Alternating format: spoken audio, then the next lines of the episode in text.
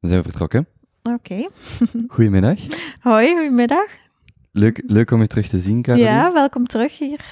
We zitten, we zitten vandaag terug bij u eh, aan de kant van Gent. Mhm. Ik herkende, ik herkende de weg nog. Ik ben blij om hier te zijn. Wij hebben een eerste opname gedaan, meer dan drie jaar geleden, Ja. bijna, bijna vier jaar geleden. Ehm, en sindsdien zijn er eh, boeken gevolgd. Yep. Sindsdien zijt je getrouwd, Yep. zijt je zwanger, proficiat. Dank u wel. Dat zijn, dat zijn dan enkel de dingen die, die direct opvallen. Mhm. Dus ik vond het, ik vond het heel leuk om terug, eh, of, of ik heb met veel plezier teruggevraagd eh, Mhm. aan u om, om een keer te komen vertellen Mhm. hoe, het, hoe het uiteindelijk met u gaat. Ehm, ik ben even aan het kijken. Waar, waar moeten we überhaupt zelfs beginnen?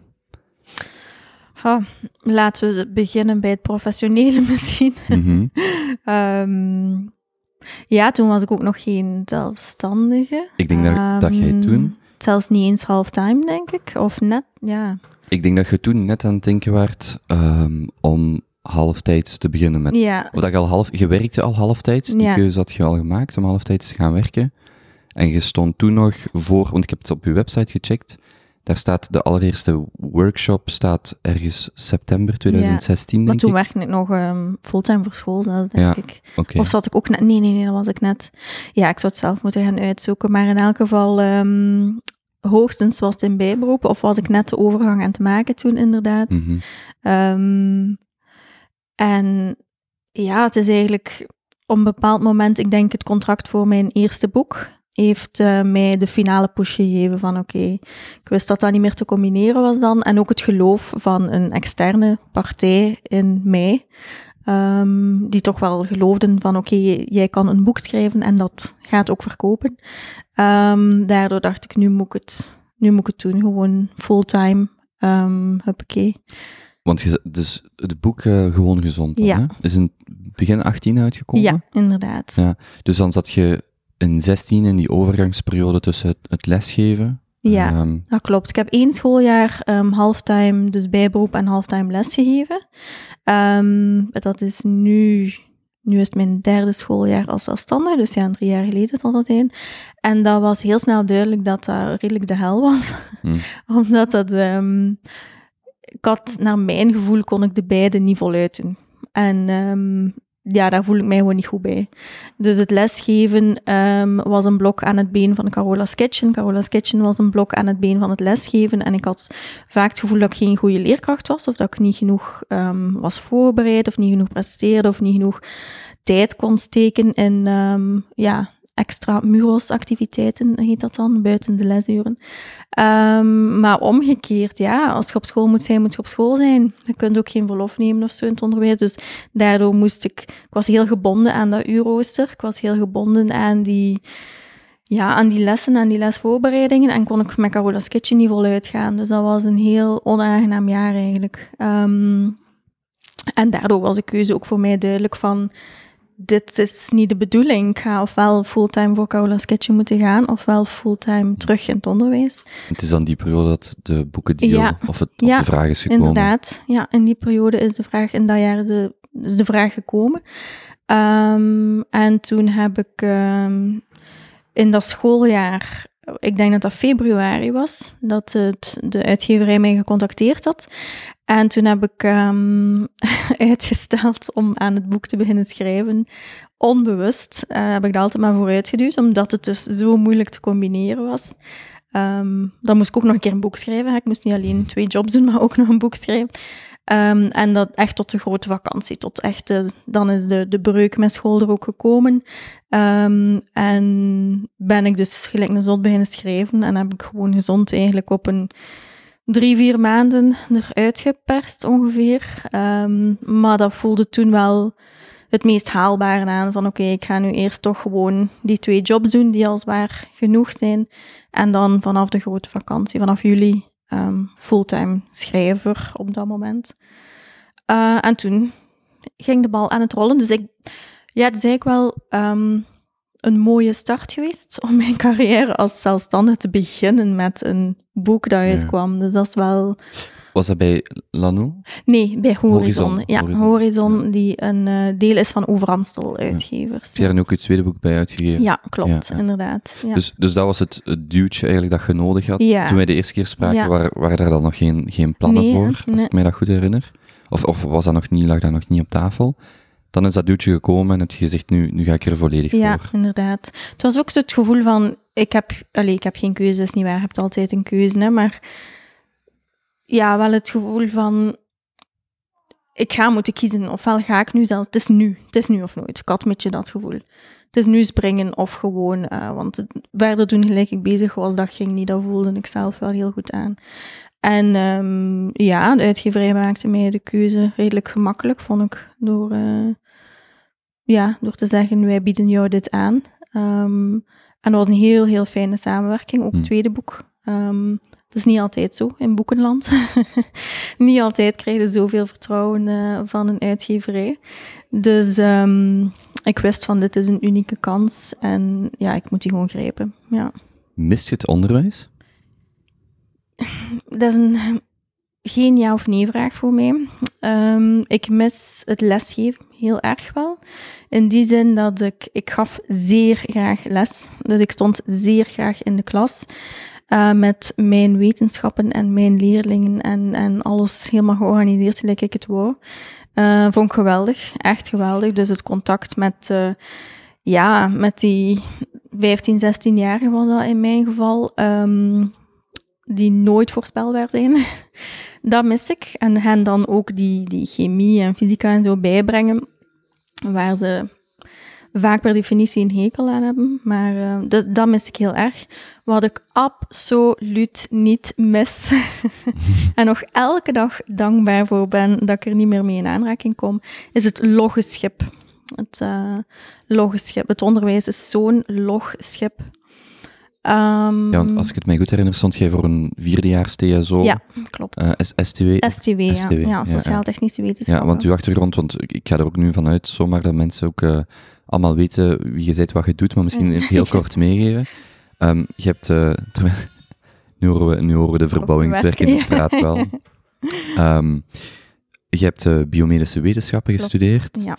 Dan, ik ga er even kort door, maar dan uh, gaan lesgeven. Ja. En dan, toen wij elkaar spraken, zat je dan in die overgang. Ja, inderdaad. Carola's Kitchen Ja. opgericht, als ik het mij goed herinner, vertelde je of zei je, ik ben iemand die nogal aan een hoog tempo leefde. En Ja. op een dag dacht ik, ik start gewoon een, een pagina. Ja, inderdaad. En daar is dan Carola's. Kitchen uh, ontstaan. En ja, het hobbytje, hè. het totale zijprojectje hobbytje. Um, en ja, lang leven social media. Ja, want, want je zegt dan van het onderwijs, het logge schip, Mhm. Dat mis je helemaal niet. Nee, want alles gaat traag. Hè? Dus, dus en daarmee bedoel ik, ehm, ja, ik heb tien jaar op dezelfde school gestaan en dat was ehm, ja, geweldig fijn. Ik heb me daar ook heel goed gevoeld op die school ehm, en heel erg gewaardeerd gevoeld.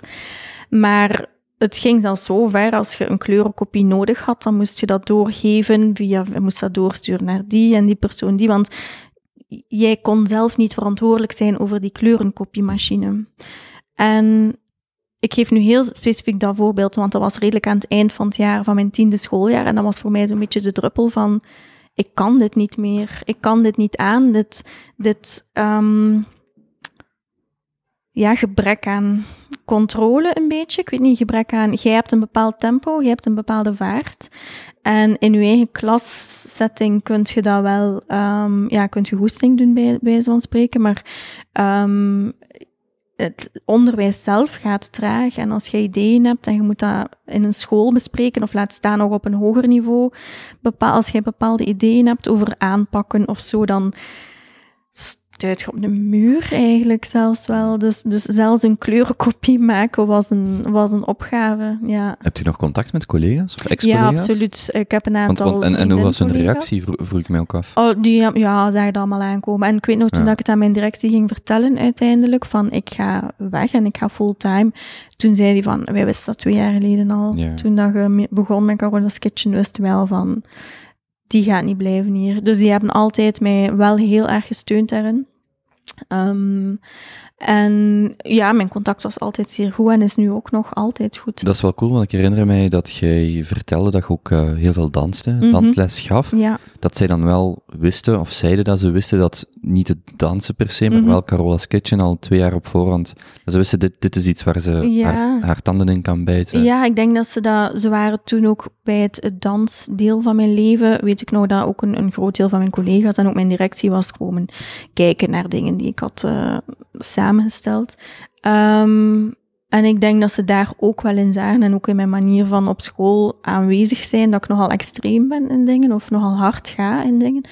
En dat ze dat daardoor vrij snel met Carola's Kitchen ook een beetje aanvoelden. Ik weet het niet. En mensen kunnen het ook volgen. Dat is anders dan bij je privé-hobby's of zo. Ja. Carola's Kitchen is een beetje public domain. Ehm, dat is niet altijd even tof, maar eh, mensen kunnen wel meevolgen naar hoe snel iets gaat en, en hoe hard iets gaat op social media, maar ook een beetje in de media. Hier en daar wel sprokkeltjes. De ene keer al meer dan de andere keer. Dus ik denk dat zij dat op die manier een beetje, ja, ik weet het niet, een voorgevoel hadden of zo. Hoe eh, makkelijk was het? Ook een van de leuke dingen die je zei, ehm, ik doe alles op het gemakje Mhm. toen. Hoe gemakkelijk is, is het om dat in stand te houden? Ehm, ik doe nog altijd alles op het gemakje, maar met dat grote verschil dat ik er nu hyper gefrustreerd door word, omdat ik niet alles gedaan krijg. Maar het is nog steeds... ehm, ik was vandaag... Allez, ik weet niet meer hoe dat ik erop kwam. Ehm, ik denk omdat ik vandaag gaan zwemmen ben nog eens, en dat was drie weken geleden. Omdat het maar geen prioriteit was. hè. Het was altijd werk is belangrijker of huishouden is belangrijker of rusten. Ja, helaas moet ik nu eh, redelijk wat rusten ook. Je zou vergeten dat je Ehm, zwanger bent. Ja, ja, ja, ik vergeet het inderdaad. Het is pas als de hamer echt op mijn hoofd slaat dat ik Hmm. voel van, oei ja, oké, ik moet gaan liggen even. Eh, maar het was door dat zwemmen dat ik dacht van, ik ben iemand die... Ik ben heel de dag bezig. Dus dat rusten valt mij ook vrij zwaar om zo overdag even te gaan liggen op, zetel of, eh, op de zetel of op het bed. Ehm, dus ik ben heel de dag bezig, maar ik doe alles nog. Ik doe alles ook graag. Zelfs kuisen en weet ik veel, maar alles op mijn eigen tempo. En ik ben daar nog weinig in veranderd. Maar het verschil is dus dat ik gewoon te veel te doen heb. Dus ik ben een heel inefficiënt persoon eigenlijk. Dan, ja, dus ik ben een zeer harde, consequente werker. Zeven op zeven eigenlijk. Maar doordat ik dus alles ja, op mijn eigen tempo doe en ook het een door elkaar dingen een beetje doe. Mm. ehm, dus dat is wel een, ja, een werkpunt, absoluut. Is het ook, want bij, in, in het onderwijs zijn er veel extracurriculaire activiteiten, Mhm. maar die vallen denk ik makkelijker in te schatten. Van die dag is het, moet ik, dan is er een oudercontact, dan is er een vergadering. Terwijl nu, nu dat je voltijds aan, aan Mhm. Ja. Carola's Kitchen werkt, kan mij voorstellen dat je dat er langs, al, langs 101 kanten aan je getrokken wordt, of, of dat je energie moet Ja. steken in dingen, dat dat, eh, dat het moeilijker is om, om daar dan... In het onderwijs had je veel buitenuren, of misschien veel Mhm. dingen waarvan je zegt, dat vind ik niet zo leuk, maar daar heb ik tenminste een zicht over. Ja, dat voilà. dan nu het is, is afgebakend, hè. ja. Dit is niet afgebakend, hè. Dit is, allee, ik vergelijk het altijd met, het is echt een woestijn. Dus je, allee, elke week is, is een woestijn aan tijd en ruimte, die jij moet gewoon structuur geven. En ik vind dat zeer moeilijk. Ik vind dat zeer, zeer moeilijk. Dat blijft iets dat, denk ik, mensen ongelooflijk onderschatten. Mm. Ehm, zeker als je alleen bent, hè, als je een eenmanszaak of eenvrouwzaak bent eh, en je doet dingen alleen. Jij begint en je moet zelf je structuur afbakenen. En ik merk wel dat bij collega's, ehm, huidige collega's dus, dat dat iets is waar dat er velen mee struggelen. Met het aanbrengen van structuur in die totaal open ruimte. Ehm, Ja, want hoe, hoe doe je dat dan? Want dat is, een- dat is een thema voor mijzelf ook. Ik, Ja. ik kan tot eh, vier uur s morgens filmpjes editen. En er is altijd wel iets te Er doen. Nog een, nog een highlight, nog een transcript, nog een dat mensen zeggen, ja. Ja. maar... En dat is voor u exact hetzelfde. mhm. Dat je... Soms is het handig dat iemand zegt, ja, maar nu is het genoeg. Mhm. En stop maar. Maar in uw hoofd, er is altijd nog een foto Mhm, dat je kunt bewerken, een recept ja. dat je kunt uitschrijven, een filmpje wat je kunt opnemen. Of, Sowieso. want want ja, hoe, hoe, hoe doe je dat überhaupt? Ja, als het is van eh, iemand die zegt stop nu maar, dan is dat sowieso Pieter Jan, dus Hmm. mijn eh, man ondertussen. Ehm, ja, die, die herinnert er mij wel af en toe aan van, ehm, het is niet, ja, normaal tussen aanhalingstekens, maar het kan niet de bedoeling zijn dat je de rest van je leven zeven dagen op zeven werkt. Ehm, dus hij herinnert mij daar wel aan, maar dat is echt is van stop nu maar. En, maar het aanbrengen van die structuur ehm, is iets dat ik ja, ik zou zeggen probeer, maar ik weet zelfs niet of ik het probeer. Ja, ik probeer structuur aan te brengen in mijn dagen, maar niet in de zin van um, ik ga nu maar tot zo laat werken of ik ga nu een keer de hele dag niets doen. Dus ik ga het, allee, om heel eerlijk te zijn, op dit moment streef ik daar ook niet echt naar, omdat ik nu, al van relatief vroeg in de zwangerschap, denk, als die een baby er gaat zijn, ja, dan heb je structuur. Ik bedoel, van zo, zeker van zodra het, het kind naar de crash zal gaan, of naar de onthaalmoeder liever, dan, um, ja, ik heb dan daarvoor en daarna, maar als de baby thuis is, dan is het al all about the baby. Um, dus ik heb al gehoord van, van jonge collega-mama's van zo'n kind dwingt u om efficiënter te zijn, omdat je dezelfde, hetzelfde werk gedaan moet krijgen, maar dan binnen de uren dat hij naar de onthaalmoeder is. Dus om heel eerlijk te zijn, um, doe ik nu gewoon nog altijd mijn ding. Dus heerlijk en efficiënt uitgesmeerd, zeven dagen op zeven, uh, aan, een, aan een aangenaam tempo. Um, Omdat ik zoiets heb van, vanaf dat dat kind er gaat zijn, ja, ga ik gewoon gedwongen worden om het, om het in te richten. En ik probeer, ik luister naar podcasts van, allez, naar werkgerelateerde podcasts, of ik lees boeken of gepraat erover met, met collega of vriendin, of gevolgd Instagram-accounts. Ik doe het allemaal. Um, opnieuw niet hyper efficiënt, maar mhm. er blijven wel dingen hangen. En ik probeer mijn agenda wel echt met blokken te werken. Dus echt zeggen van, ja, dan ga ik mails doen. En als ik weet, ik moet fotoshoots doen en dat ik dat echt ook inplan, dat ik dat echt inschrijf. Gelijk een lessenrooster bijna. Doet mij eraan denken, ik probeer mijn... Dus, dus niet louter vaste blokken elke dag, maar... Uh, of, of, of dingen inblokkeren, maar er zijn drie blokken dat ik elke dag probeer te doen. Eentje is aan werk, bijvoorbeeld een, een mm babbel opnemen. Eentje is sport. Mm En dan eentje is ofwel lezen slash creatief slash iets, mhm. of een wandeling buiten. Mhm. Dat zijn dan, en dan ja, eten en zo valt daar dan tussen. Maar om mijzelf dan niet het gevoel te geven van je moet nog altijd, er is altijd meer te doen. Mhm. Maar ik heb vandaag bijvoorbeeld werk, werk gedaan. Voelt niet als werk. Dat kan ook 7 op 7. Nu ga ik nog even wandelen en ik wil eigenlijk liefst ook nog gaan sporten of gaan, gaan zwemmen of zoiets. En dat helpt wel, maar het blijft, het blijft heel moeilijk om dan um, ja, die, die knop af te draaien, af te zetten. Ja, absoluut. En je, dat lukt mij meestal als ik dan zo een of andere uitboeiende, inspirerende podcast gehoord heb met een aantal concrete tips. Dan denk ik, oké, ik ga dat nu echt toepassen. En dat lukt dan hoop en al drie, vier dagen of zo. En dan... Ik zag het op je Instagram denk ik voorbij komen deze week. Tips gevraagd voor... Ah ja, ja e-mails was het sowieso. ja, ja. Daarover had ik wel echt tips noemen. Ja, mijn inbox is daar een mooi voorbeeld van. Ik heb wel goede tips gekregen van mensen, moet ik zeggen. Um, dus ook daarin neem ik dan zo wat kleine dingetjes mee. Maar om, ja, ik vind het toch iets zoals... Um, ja, ik ga het nu vergelijken met eten, zoals ik alles vergelijk met eten. Maar ik vind het toch zoiets als met gezond eten of met gezonde levensstijl of met eetgewoontes. Het moet bij je passen. Als het niet past, dan houdt je dat toch niet vol. En dus het is ook een beetje zo uh, shoppen, tussen aanhalingstekens, in al die tips en die boeken en die podcast. Van oké, uitproberen, past dit mij, past dit mij niet? En zo blijven er wat dingetjes hangen en niet, denk ik. Um, het is wel veel makkelijker gezegd dan gedaan, vind ik. Zodat, allee, veel mensen zien vooral het mooie ervan. En pas op, ik doe mijn job extreem graag. Hè. Ik werk zeer graag voor mezelf. Um, als zelfstandige bedoel ik dus. Niet dat ik zo'n geweldige baas ben voor mezelf, maar, maar ik ben heel graag zelfstandige. Maar het heeft wel ook echt een aantal, uh, een aantal moeilijke kantjes. Ja, van, je bent heel tijd met je werk bezig, hè? Hmm. heel de tijd. Hè?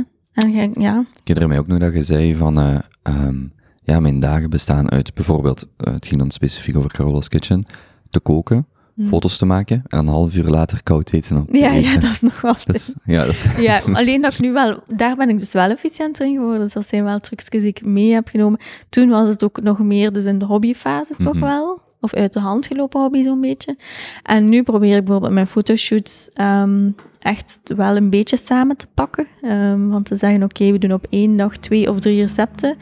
Um, ja, want elke keer is de keuken opruimen en uw fototoestel opstellen en, en uw, ja, uw set klaarmaken een beetje. Dus ik heb nu wel ingezien van als je dat drie keer na elkaar doet, dan spaart het toch wat tijd uit.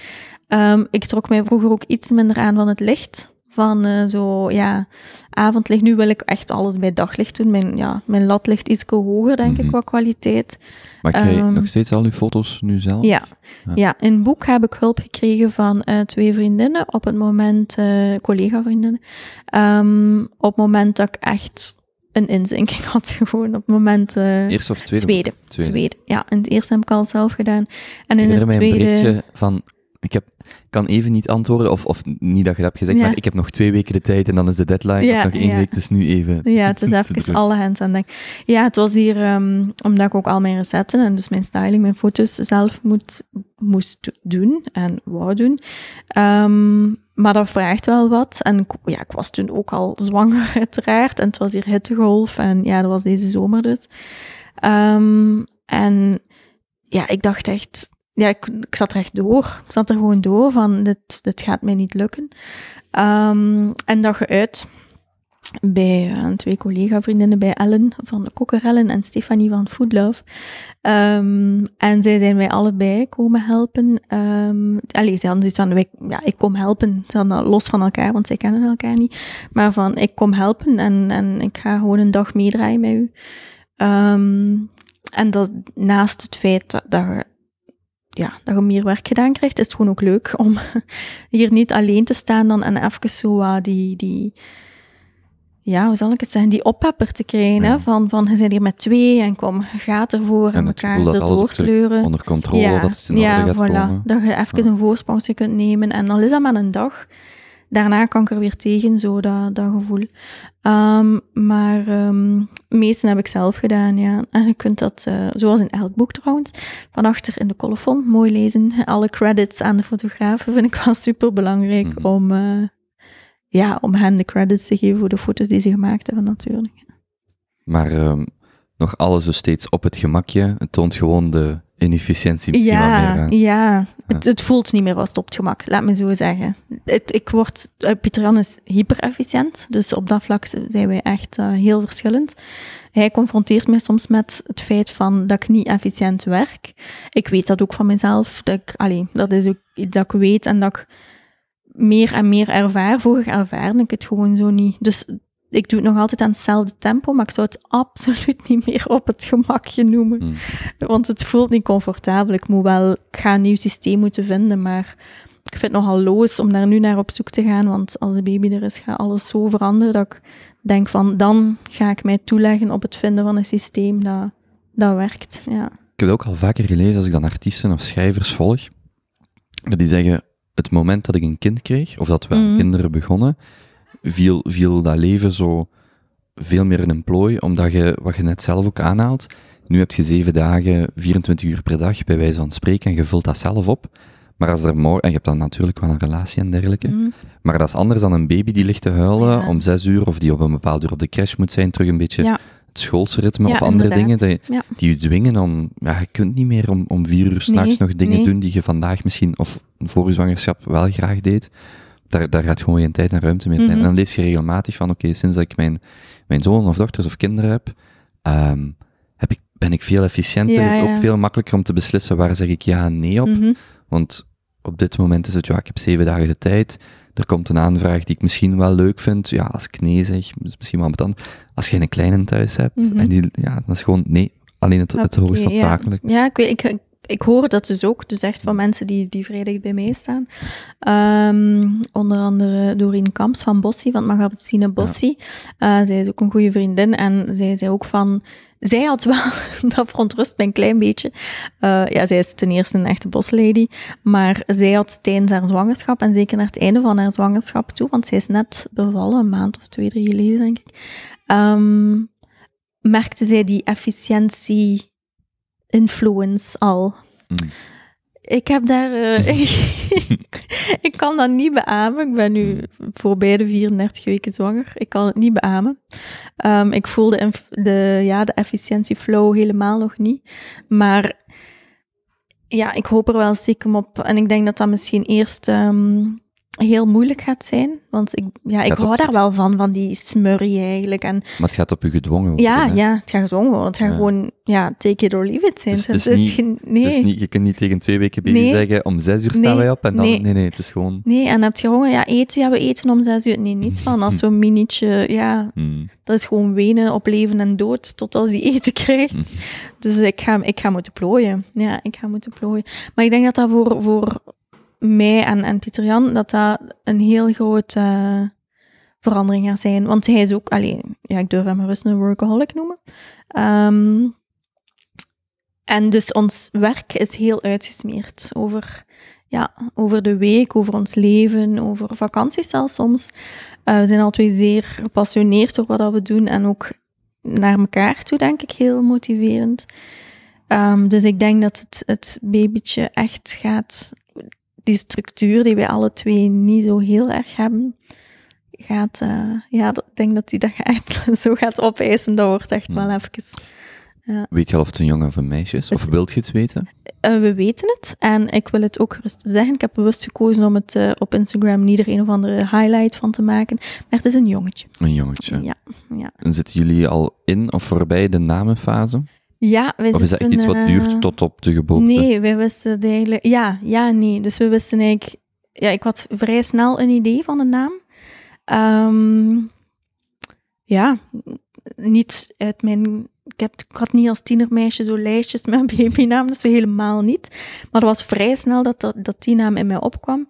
En uiteindelijk hebben we er twee. En we willen dus ehm, op het moment dat het, dat het jongetje er is, ehm, zien welke de beste past bij hem. Dus het zijn twee namen en ik vind dat de beide namen... ehm, we hebben een voorkeur voor één van de twee, maar het is nog wat in dubio. En ik vind dat ze alle twee een andere vibe hebben.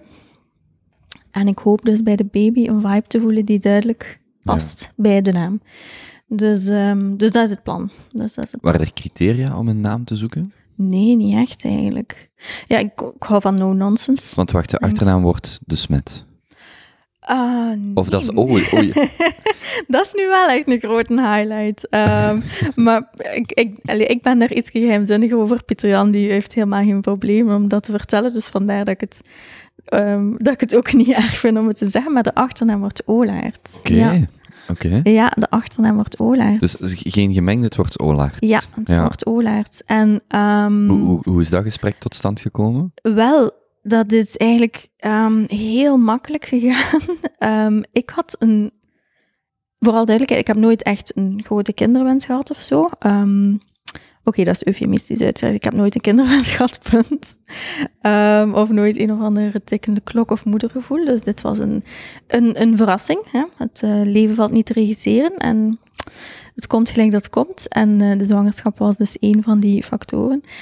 Ik had toen het dan ineens zo concreet was, ehm, ik had daar nog nooit over nagedacht, over die achternaam Olaert, maar had ik toch een, een, een drang, laat me zo zeggen, om een link te maken met mijn familie, want ja, mijn ouders zijn er niet meer. Ehm, ik heb familie, ik heb wel familie nog in Limburg, een relatief grote familie, maar ook dat contact is niet evident, laat me zo zeggen. Ehm, dus, en ik ben hyper, hyper close met mijn broer en mijn zus. Ehm, dus in onze belevenis is zo'n beetje, ja, zijn wij met ons drietjes een familie. Dus mijn broer, mijn zus en ik. En ik had wel echt de behoefte, doordat dat een vrij vreemde situatie is, en dat voelt, ehm, ja, eenzaam is niet het juiste woord, maar dat, dat voelt wel dat klopt ergens niet. Je voelt dat wel. Van, je hebt geen ouders, je hebt geen grootouders niet meer. Dus van, ja, zo één generatie zijt je zo wat. En ik had een drang of een, of een wens precies in één keer vrij krachtig om toch die link te maken met mijn vader, met mijn broer en mijn zus. Alleen met eigenlijk met mijn familie. En, want Pieter Jan heeft een, grote, een groot gezin. Ehm, en een volledig, een volledig gezin. En ik denk, ja, ik weet het niet. Het was zo een, een, een gevoel, een buikgevoel van ik zou heel graag eigenlijk dat kind ja, Olaerts noemen. En hij was daar eigenlijk ook heel snel mee akkoord, als, omdat hij ook... Pieter Jan heeft mijn ouders nooit gekend. En dat is voor ons alle twee we vinden dat jammer. We vinden alle twee gewoon echt jammer. Ehm, want zij waren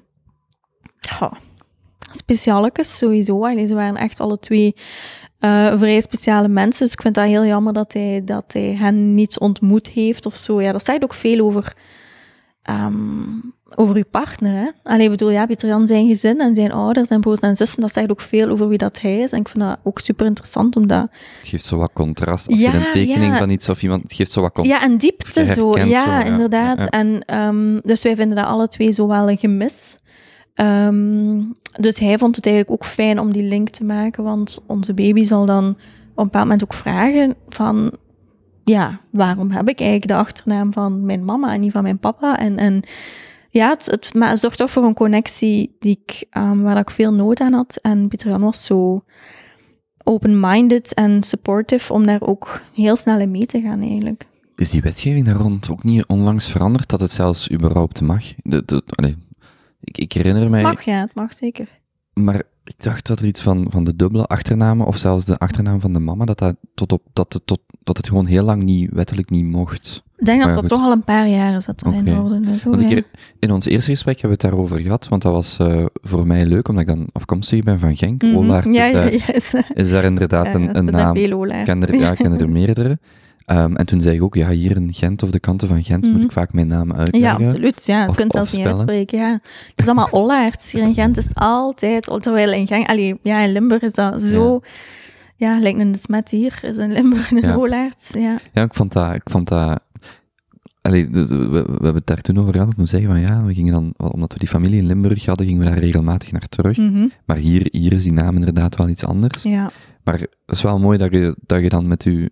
Allee, mooi, eh, je bent aan het romantiseren, maar dat je met je twee ook daar snel op dezelfde lijn Ja, zit. ja, zeker. Dat is heel fijn. Ja, dat is een heel fijn gevoel. En ehm, het zijn zo nog veel dingen. Want, allee, denk zo, zowel mijn zwangerschap, maar ook de manier waarop dat wij ouders gaan zijn, dat dat niet hyperconventioneel is. Allee, ook, ook niet hyper ehm, anarchistisch of zo, of, of Mhm. hyper hippie. Maar ehm, er zijn een aantal dingen die niet, of een aantal keuzes die we maken, die niet super voor de hand liggend zijn. Maar waar dat we wel echt op dezelfde golflengte zitten en echt zonder, zonder enige discussie.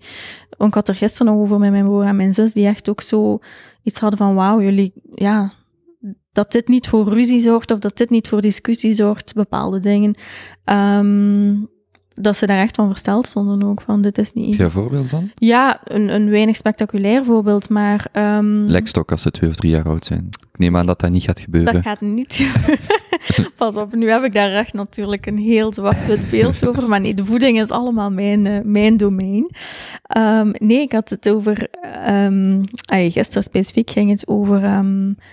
ja, ik ben dus nu voorbij 34 weken. Dus dat betekent ehm, blijkbaar dat ik nu al een valiesje zou moeten beginnen klaarmaken. Wist ik niet. Ik weet helemaal niks over. Voor het ziekenhuis. Ja, ja, inderdaad. Wacht, wanneer eh, is, de, is dat 38 weken? 40 weken. 40, ja, 40. 40 weken. Ja, dus nog een, een vijf en een half weken eh, te gaan. En wij hebben, ehm, we hebben nog niks. Dus we hebben niks. We hebben niks voorbereid. We hebben niks georganiseerd. We hebben niks geregeld. We hebben hier geen enkel babyspul in huis, behalve drie dingen die we gekregen hebben. Ehm, twee fluffy pakjes en één zak met tetradoeken van mijn nicht. Eh, maar verder hebben we helemaal niks. En wij zijn daar alle twee ongelooflijk chill over. We hebben alle twee zoiets van, ja, we'll wing it. Ehm, we nemen het gelijk dat het komt en go with the flow, een beetje dat. En we doen het wel. En we hebben een auto en we leven in België, in de stad. En we hebben veel mensen om ons heen, dus het zal wel allemaal loslopen. En je snapt, we zijn heel, ja, ehm, zelfredzaam, laat me zo zeggen. En wij zijn echt de enige twee in heel onze omgeving die daar chill over zijn.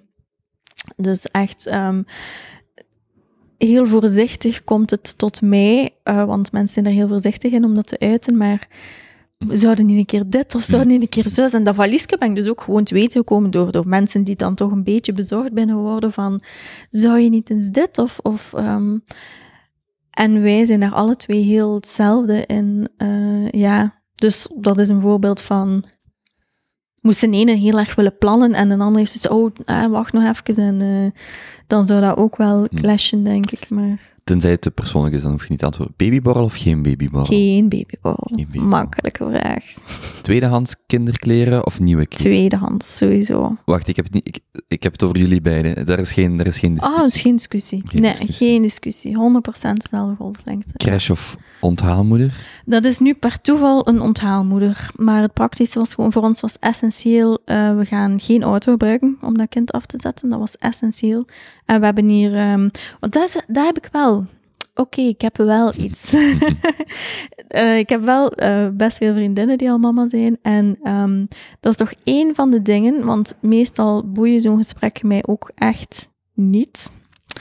Ehm, met alle respect, echt ongelooflijk veel respect voor alle mama's. Maar eh, tot hiertoe gesprekken over baby's en tot op dit punt nog altijd boeien mij eigenlijk niet echt. Eh, maar één ding heb ik wel onthouden van al mijn mama-vriendinnen. Een crash moet onmiddellijk, onmiddellijk, onmiddellijk, onmiddellijk. Als je weet dat je zwanger bent, zelfs liefst ervoor, Hmm. moet die crash hebben of die onthaalmoeder.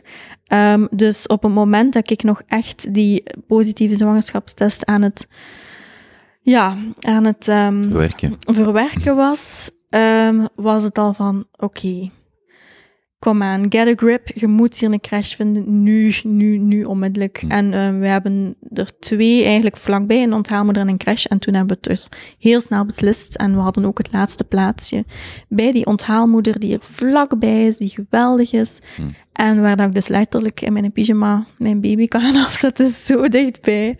Ehm, dus dat heb ik wel. Ja, dus het is een onthaalmoeder, maar kon even een crash zijn. Het is gewoon hier een goed gevoel en dichtbij, dus helemaal oké. Hoe loopt de borstvoetdiscussie bij jullie? Ehm, de borstvoetdiscussie, ook een heel interessante vraag. ik, wil, ja, ik wil absoluut 100% Hmm. eh, mijn uiterste best doen om borstvoeding te geven. Ehm, daarvoor ben ik ehm, veel te obsessed met wetenschap om dat niet te doen. Want eh, wetenschap is extreem duidelijk, extreem, extreem, extreem duidelijk over de positieve effecten van het wel te doen. En ehm, de mogelijke negatieve effecten van het niet te doen. Ehm, voor alle duidelijkheid, dat zijn statistieken. En valt altijd binnen of buiten die statistiek. Ik bedoel, mijn moeder heeft ehm, gerookt tijdens haar drie zwangerschappen. Wij hebben daar alle drie niks aan overgehouden. Het was ook een andere tijd op dat moment, maar dan nog. Dus ik wil maar zeggen, het is altijd een statistiek. eh, maar voor mij is het wel duidelijk dat ik alles op alles ga zetten om dat te doen slagen. En dat is ook iets dat ik mij nu toch aan het informeren ben. Ehm, ja, om uit te pluizen hoe het allemaal werkt. En ik vind langs de ene kant super interessant. Biologisch gezien is het wonderbaarlijk interessant. Ik wist al heel veel over het menselijk lichaam, maar niet zo gespecialiseerd in zwangerschap specifiek. Ehm, dus ik heb al heel veel bijgeleerd wat dat borstvoedingsgegeven betreft. Maar ik moet heel eerlijk zeggen, ehm, ja, dat is best wel persoonlijk, maar het is, het is verdomd vreemd voor mij om naar mijn lichaam te kijken op die zoogdierachtige manier. Ik vind dat echt... Ik denk dat veel vrouwen misschien nu zoiets gaan hebben van... Ik snap niet wat dat ze bedoelt. Of misschien zelfs boosheid gaan voelen omdat ik dit zeg. Maar iets dat zo natuurlijk is, als ik daarover lees, voelt dat toch niet natuurlijk aan. Ik kan dat heel moeilijk uitleggen, maar het is... Wij zijn... Ik merk nu, ik ben nu 35 jaar, dat ik dus nog nooit... En ik ik heb dan verdomme wetenschappen gestudeerd. Hè. Ik bedoel echt over het menselijk lichaam gestudeerd. Hè. Ehm, dat ik nog nooit naar mijn eigen lichaam op zo'n zoogdierachtige, dierlijke manier gekeken heb. Echt niet. En dat is toch... Dat is toch geen evidente, vind ik. Echt geen evidente. Omdat als vrouw... Ja, hoe heb ik als, naar mijn eigen lichaam gekeken op een, een, e- esthetische manier? Op een, een gezondheidsachtige manier? Op een, op een seksuele manier? Van... Ja, zo bekeek ik mijn lichaam altijd door een van die brillen. En nu is dat in één keer het zogen van een jong. En ja, zegt iets dat ik mij dus heel erg in aan het, aan het verdiepen ben. ehm, om er aan te wennen, om mijzelf te dwingen om er aan te wennen, om het dan, ja, want ik wil het doen, ja, ik wil het echt doen. Is daar eh, in de vriendengroep eh, discussie rond? Nee, eigenlijk niet. Nee. Nee. Is dat vandaag nog? Ik moet zeggen, en dat is mijn perspectief, mijn moeder is voetvrouw Mhm. en lactatiekundige, dus dat is een specialisatie in borstvoeding. Goed om te weten. Allee, als ik vraag Dus, heb, weet ik eh, wel waar ik terecht kan. Ah, wel, het is al meerdere keren gebeurd. Want vaak, vaak of, of wat heel jammer is, wat soms gebeurt, is dat mensen gewoon niet weten en niet weten bij wie ze soms terecht kunnen voor Ja, vragen. absoluut, absoluut. En misschien in uw geval, maar verbeter me als ik fout ben, moeder worden zonder een moeder te hebben, is dan Mhm. nog eens een extra, dat maakt het niet gemakkelijker. Ehm, er zullen ook wel moeders zijn waar je misschien minder tips aan wilt vragen, maar dat Ja. maakt het niet makkelijker. Ik denk wel, ik weet eigenlijk niet, maar ik denk wel dat mijn mama drie keer borstvoeding heeft gegeven. Dat Ja. En het zijn, zo, het zijn ook zo, wat ik dan bijvoorbeeld merk, is een bepaalde. Ik merk. ik speel een beetje vals in de zin dat mijn vragen is omdat ik pas Peter ben geworden, zes maanden geleden. Dus al die dingen zitten, want ik ging ook nog vragen. Dank u. Ik heb u nog niet gefeli- gefeliciteerd. maar de, de vragen zitten allemaal, of die topics zitten allemaal heel vers in het hoofd. Mhm. Want ik wil zelfs nog natuurlijk of keizersnee. Dat Mhm. was de laatste die ik nog in mijn hoofd had. Ehm, nee, maar, maar zelfs een, een vertrouwenspersoon hebben, of letterlijk dat je thuis zit en een keer kunt bellen. Mhm, eh, ook, ook, gelijk mijn moeder vertelde over laatst, ehm, over ehm, een, een, een vrouw die heel graag borstvoeding wou geven. Het lukte niet. Het ging, het ging gewoon eh, fysiek niet. En je voelt je dan als moeder, of als, allee, als ouders, maar vooral als moeder, heel slecht, want je wilt dat aan je kind, je Mhm. wilt dat doen, maar het gaat gewoon niet. En zij zei, maar mensen, mensen schamen zich daarvoor, maar het feit dat dat niet gaat, ligt 90% van de gevallen bij het kind, niet bij de Mhm, moeder. mhm. Dus als je, als je dan, en als je dan iemand hebt waar je eens naar kunt bellen, of eens die langskomt en zegt, kijk, zo en zo en zo, en zo pakt je, want die baby was twee dagen oud, die pakt die op, dat ik denk, maar jij zit er nogal ruw mee, nee, nee, dat mag allemaal, Mhm. en zo. En dat zijn van die heel kleine dingen, dat je dan zegt, eh, als daar van achter, vanuit de familie heel veel druk achter staat, Mhm. of over een vriend van mij is ook vader geworden, en hij zegt, ja, die eerste weken, wij wilden niet dat iemand anders onze kleine Ja, ja, ja. oppakte, Mhm. en hij zegt, ja, mijn moeder was daar eigenlijk een beetje boos niet, maar die, wij zeiden, ja, wij willen niet dat je, allee, dat je ermee gaat rond, wacht daar even mee. En dat zijn van die heel kleine, banale dingen, maar op het moment zelf, eens een keer tegen iemand, hè, als er dan een discussie Ja. rond is in je familie of vriendengroep, is dat, kan dat soms heel pijnlijk zijn. Ja, ik denk, allee, ik moet eerlijk zeggen dat bij wie dat ik steun ga vragen, zal in eerste plaats mijn beste vriendin zijn, omdat zij wel, ehm, dus zij heeft al een kindje waarvan dat ik meter ben, nu eh iets meer dan twee jaar. Ehm, dus dat is zonder enige twijfel het eerste en enige kind als zo dat het bij mij staat. Ehm, en zij is eigenlijk een wandelende Wikipedia wat moederschap Mm. en ook borstvoeding en zo betreft. En zwangerschap. En, Maar ook een allee. betrouwbare Wikipedia. Ja, ja, Ja. vind ik. Allee, het is natuurlijk blijft een, een eh, ja, een anekdotisch, eh, dat is vaak zo, hè, ja, dat is met alles, met zwangerschap en zo, met eten is dat vaak zo. Het is vaak anekdotische, eh, gebaseerd op anekdotische bewijs. Uh, maar zij heeft in elk geval, is er zeer goed in geslaagd in haar borstvoeding. Um, kijk, ik gebruik nu al het woord geslaagd, wat eigenlijk niet, ja, zei ik geen juist, geen juist woord gebruik, maar um, ja, bij haar is het, is het goed gegaan, is het vlot gegaan. Um, en zij is ook wel op, zit op dezelfde golflengte over dat soort zaken met mij. Um, dus ik denk in de eerste plaats is zij mijn bron van steun en informatie en zo. Maar ik ben dus nu ook een boek aan het lezen, het nieuwe borstvoedingsboek heet dat, op aanraden van mijn uh, gynaecologe. Um, met wie dat ik een zeer goede band heb, want ik ben heel, ja, weinig emotioneel in mijn zwangerschap, denk ik. Um, als je gewoon het spectrum bekijkt hè, van de, de moeder, de toekomstige moeder, dan uh, zal ik eerder aan het minder emotionele kant van het spectrum zitten. En uh, mijn gynaecologe is, um, ja, daar zeer open-minded in. Ik bedoel, ze heeft mij nog nooit een slecht gevoel gegeven of zo. Als ik... niks mis met Nee, voilà, als ik rare vragen heb of als ik rare gevoelens heb of zo. Um, wel in tegendeel, allee, zij is echt super, super uh, supportive. Um, en ze kent dus ook mijn no-nonsense gehalte en zij had mij dat boek aangeraden. Dus ik heb dat ook onmiddellijk gekocht, omdat ik zo'n goede band heb met haar, omdat ik het gevoel heb dat ze mij zo goed begrijpt. Um, vraag mij niet om welke reden, want het is maar, ja, is niet dat ik, ja, het is maar een gynaecoloog uiteindelijk. Maar um, ik heb dat gekocht en dat is dus geschreven door twee lactatiedeskundigen, dat boek. Het nieuwe borstvoedingsboek. En um, het is gigantisch dik. Gigantisch... Um, expliciet. maar ehm, ja, ik heb ook wel het gevoel van, er valt zoveel over te weten en te leren. En, en als je niemand concreet hebt bij wie dat je terecht kunt, want ja, het is nog maar de vraag, uw mama is dan vroedvrouw en lactatiedeskundige, maar dat is zeker niet het geval voor elke vroedvrouw. Laat staan voor elke verpleegster die daar rondloopt en die toch haar zegje wil doen, met de beste bedoelingen in zo'n ziekenhuis.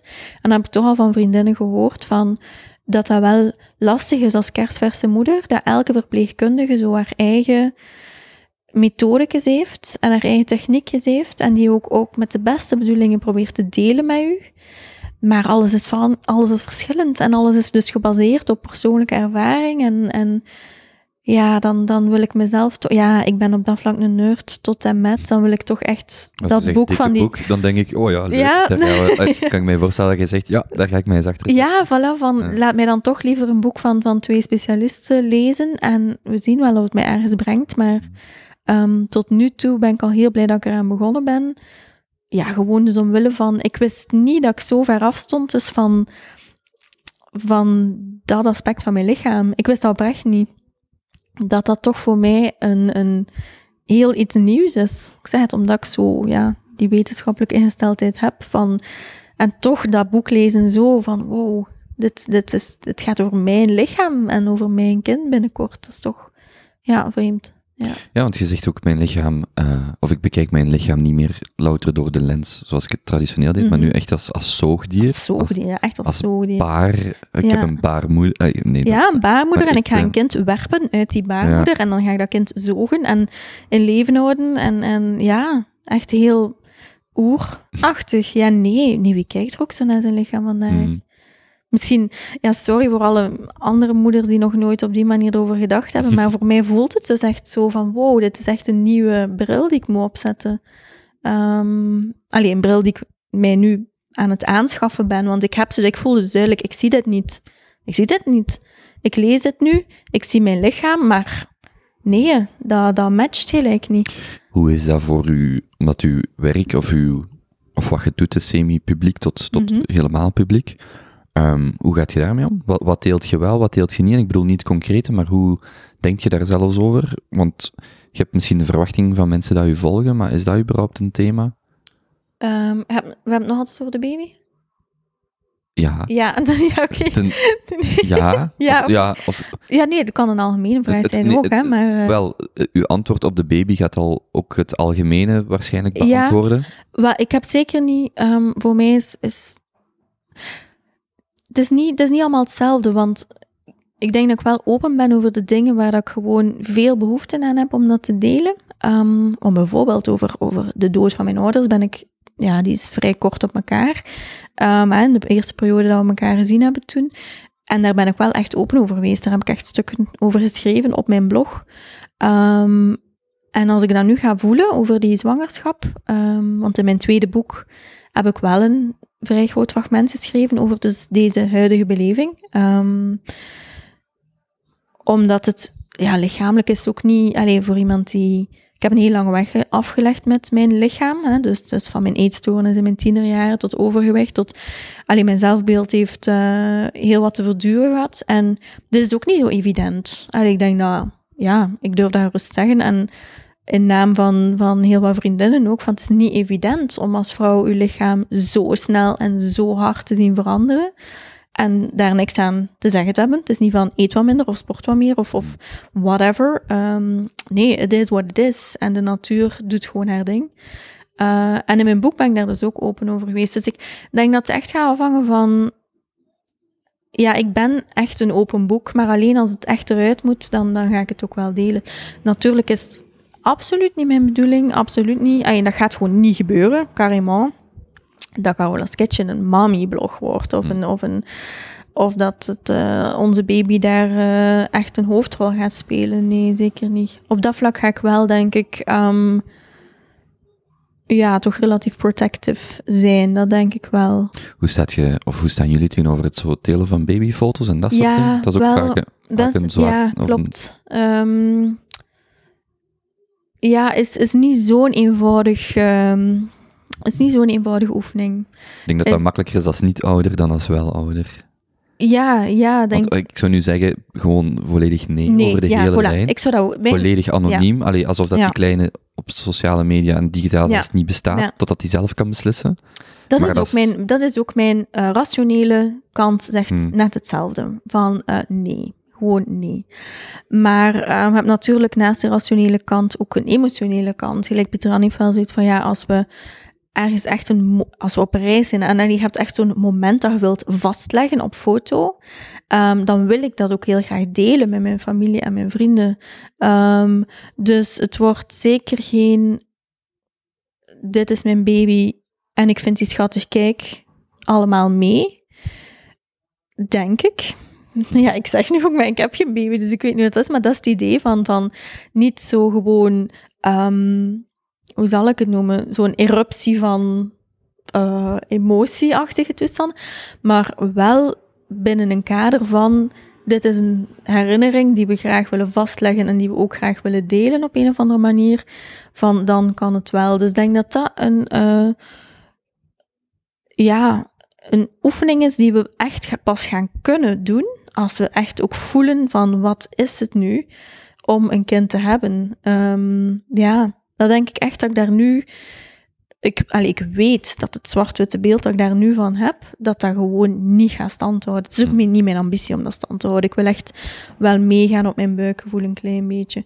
Maar ehm, omdat het dus niet mijn intentie is om van Carola's Kitchen een echte, ehm, ja, om de baby daar echt in te gaan meesleuren, ehm, ga ik dat ook niet. Allee, denk ik dat dat wel redelijk goed in controle gaat zijn. Maar wat dat voor mij wel bijvoorbeeld, wat dat ik zelf graag volg en altijd zelfs graag gevolgd heb, ehm, zelfs al had ik dus niet echt een kinderwens, is zo de eetfase. Dus als kinderen echt beginnen eten en beginnen ontdekken en de hilariteit die daar soms Mhm. ja, rond kan ontstaan, ehm, dan denk ik dat ik, allee, dat is misschien wel een manier om, om daar op social media ruimte aan te geven, maar dat weet ik niet. Ik ga echt moeten afwachten en overleggen uiteraard ook met Pieter Jan van hoe, hoe pakken we dit aan, hoe voelt dit, hoe, ja...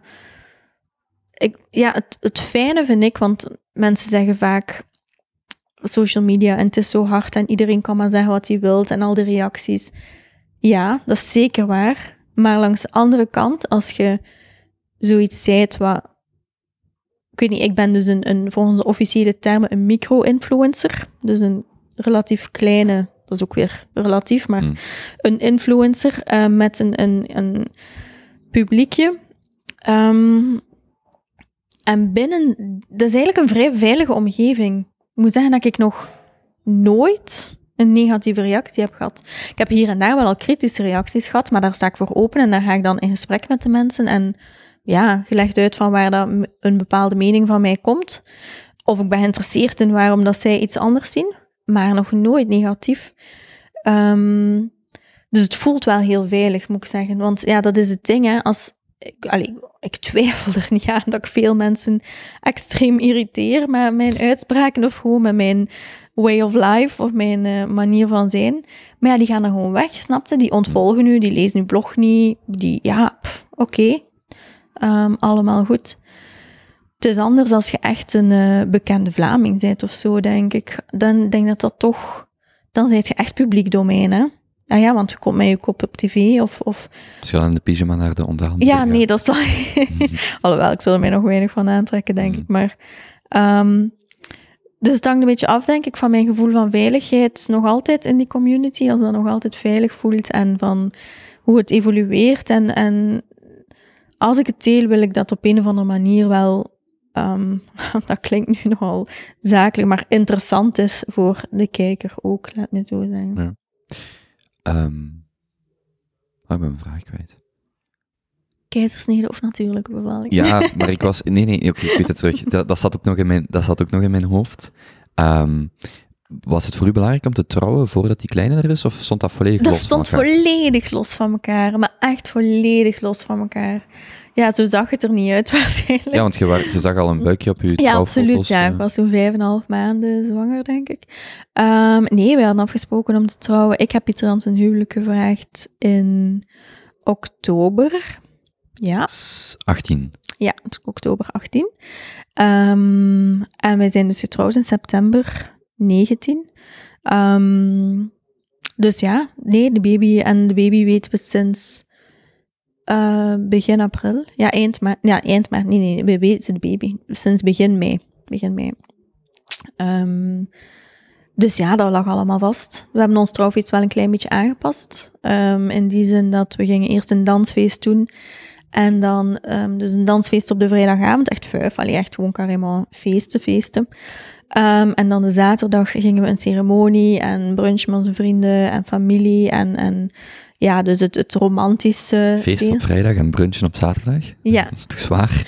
Uh, ja, maar brunch in de zin van beginnen uh, op de middag beginnen. Okay. Um, niet om half tien? Nu, nee, niet om half tien. we zijn om twaalf uur begonnen, denk ik. Ja, om twaalf uur zijn we begonnen.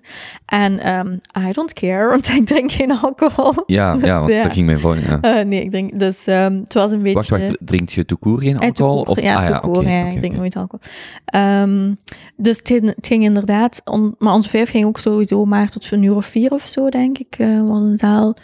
Um, Stop tot vier uur kun je veel schade aanrichten. Ja, ik weet het, maar ik heb daar dus geen ja, ervaring mee. En, en, dus, dus, dat was ons idee. Um, was ook niet het type feestje zijn dat ik zou wensen voor mijn trouw.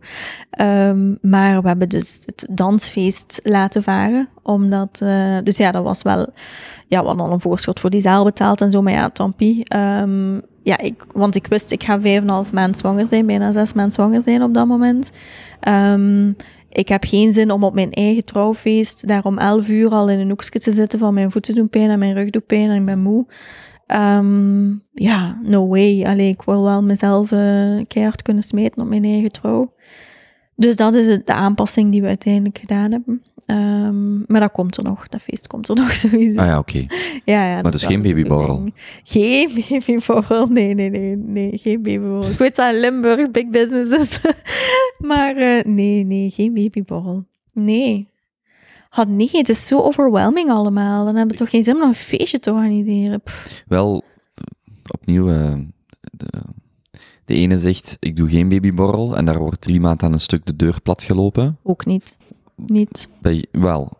En de andere zegt, dat wil ik niet, ik doe een babyborrel en je mm -hmm. kunt mij dan allemaal lastigvallen. Maar zie, dat zijn eigenlijk twee, twee dingen die je zelf niet fijn vindt. Dat snap ik niet.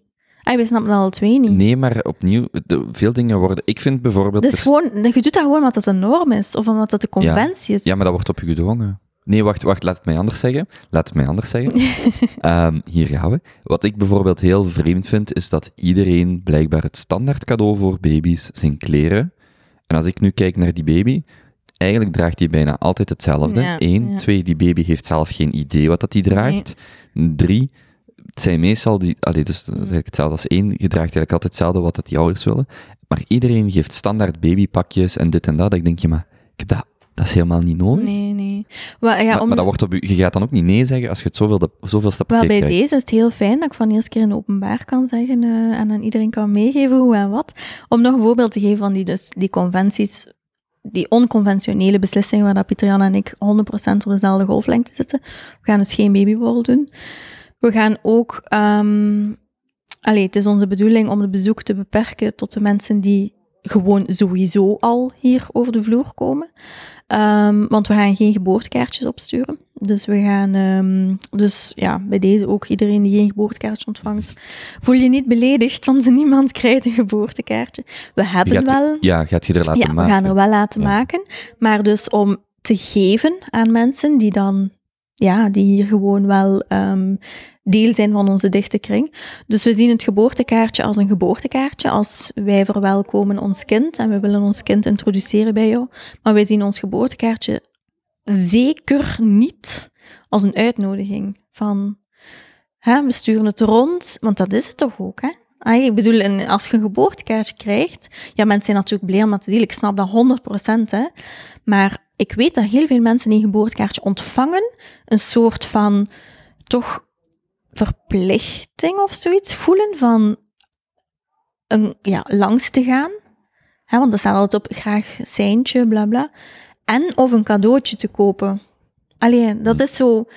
Um, maar dat hoeft voor ons allebei niet. Dus ehm, we willen in, in, eerste, ja, in die eerste maanden echt wel het beperken, gewoon het, ons contact met mensen beperken tot de mensen die gewoon sowieso al deel zijn van onze vriendenkring en familiekring.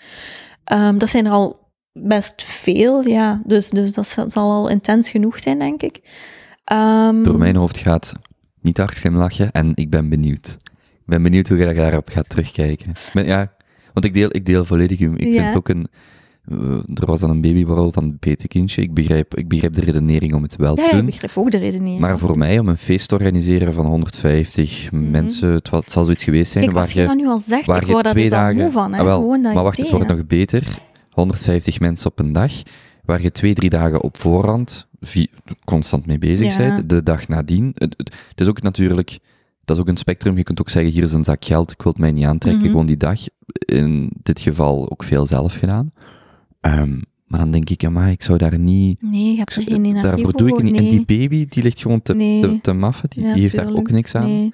Ik, ik snap wel, want dat is iets waar wij nu nog over bezig zijn, en daar ga ik um, nog niet helemaal delen, omdat dat een beetje verrassing is.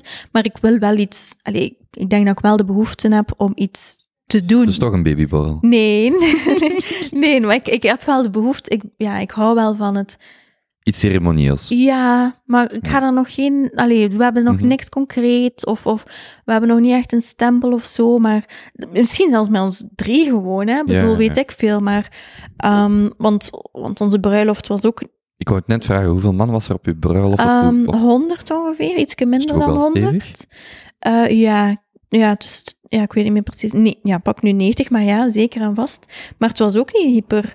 Allee, ja, ik had een wit kleed aan en al van die dingen, dus, dus ik ga niet doen alsof dat mega alternatief was. Maar um, we hadden dus echt, voor ons was de ceremonie allee, het belangrijkste gewoon.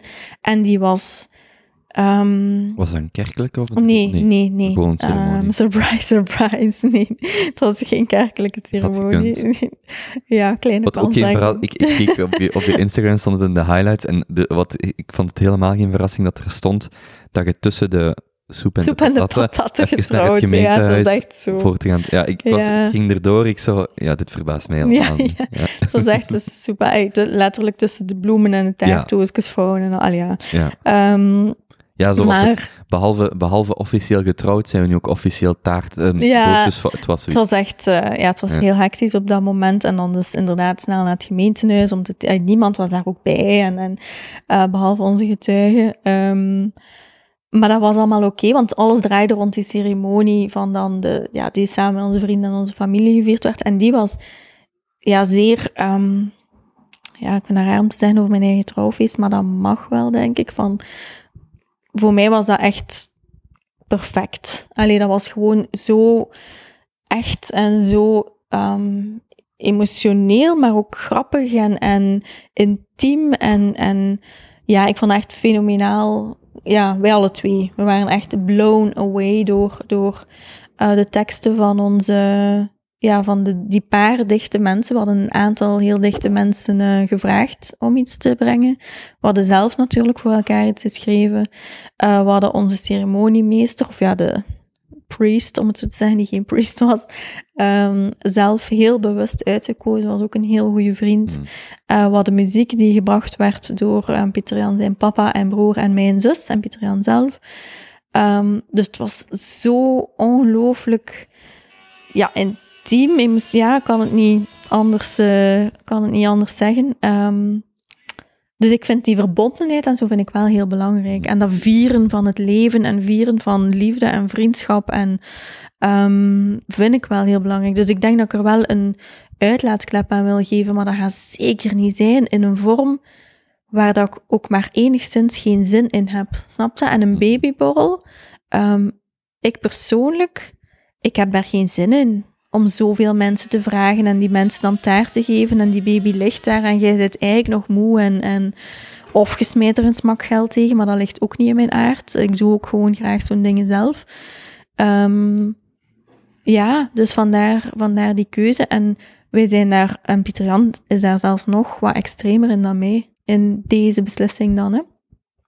Um, En uh, ik wou nog een tweede voorbeeld geven van het onconventionele. Ah, we gaan dus ook geen geboortelijst doen en geen cadeautjes. Is dat zo de lijst met dingen die je dan kunt ja, kopen? Ja, uh.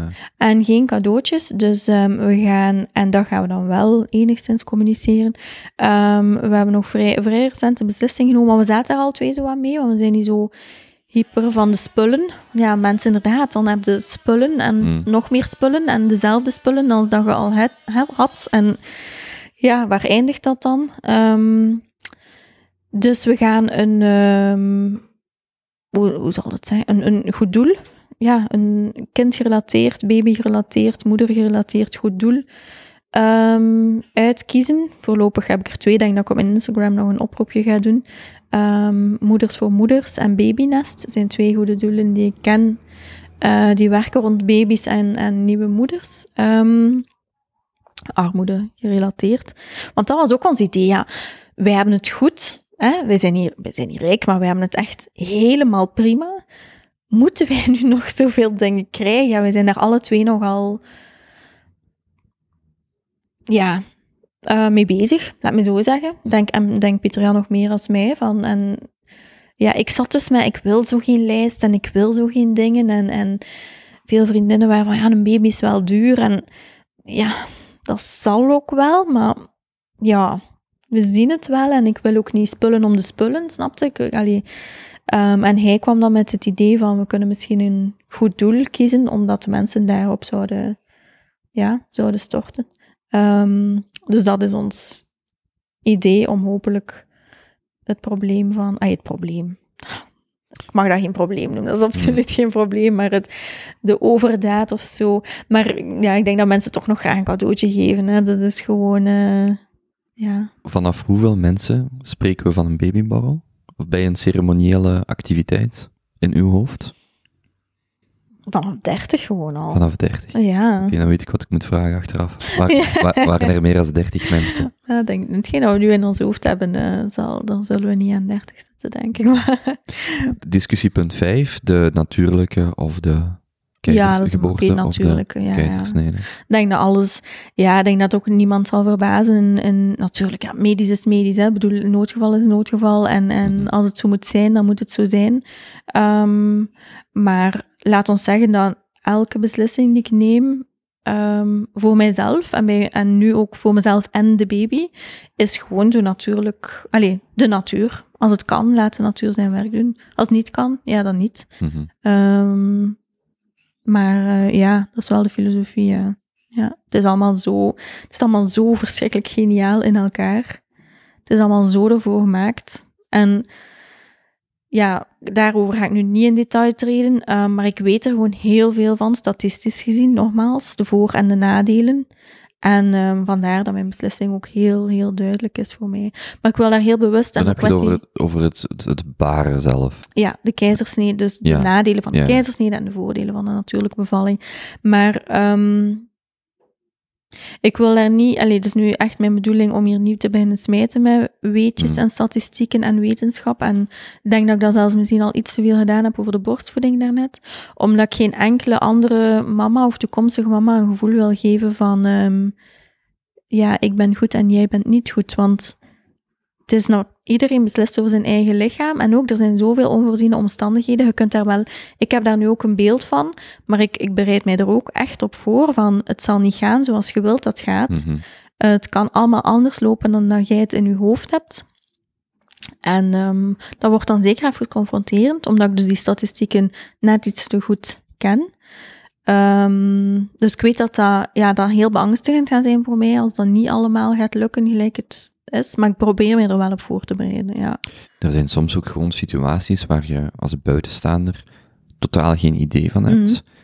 En het is dan jammer als mensen onbegripvol zijn, mm -hmm. gewoon omdat ze niet weten. En er zijn, er zijn uh, opnieuw, dat is omdat, omdat ik er 25 jaar lang aan tafel over heb gehoord. Mijn mm. moeder zegt ook, er zijn ook gewoon vrouwen die zeggen, um, ik zal niet in het publiek borstvoeding geven. Mm -hmm. Of ik denk dat mijn, mijn, hoe, hoe mijn lichaam eruit ziet, ik ben daarom beschaamd om bijvoorbeeld zelfs borstvoeding te Dus dat de discussie zelfs niet mm -hmm. gaat over is het beter voor het kind of niet, maar ja. dat die persoon zegt, ik kan dit absoluut niet. Ja, ja, Uh, of ik nee, wil ik wil dit absoluut niet. En ik zou, en ik zou nee. mij doodongelukkig voelen, moest ik het wel Mhm. doen. Ja, dan moet je als buitenstaander niet zeggen, ja, maar eh, het is beter, objectief Nee. gezien. Als jij er je doodongelukkig bij voelt. Nee, ik dat vind dat niet, iedereen die beslissing voor zichzelf Ja. moet nemen.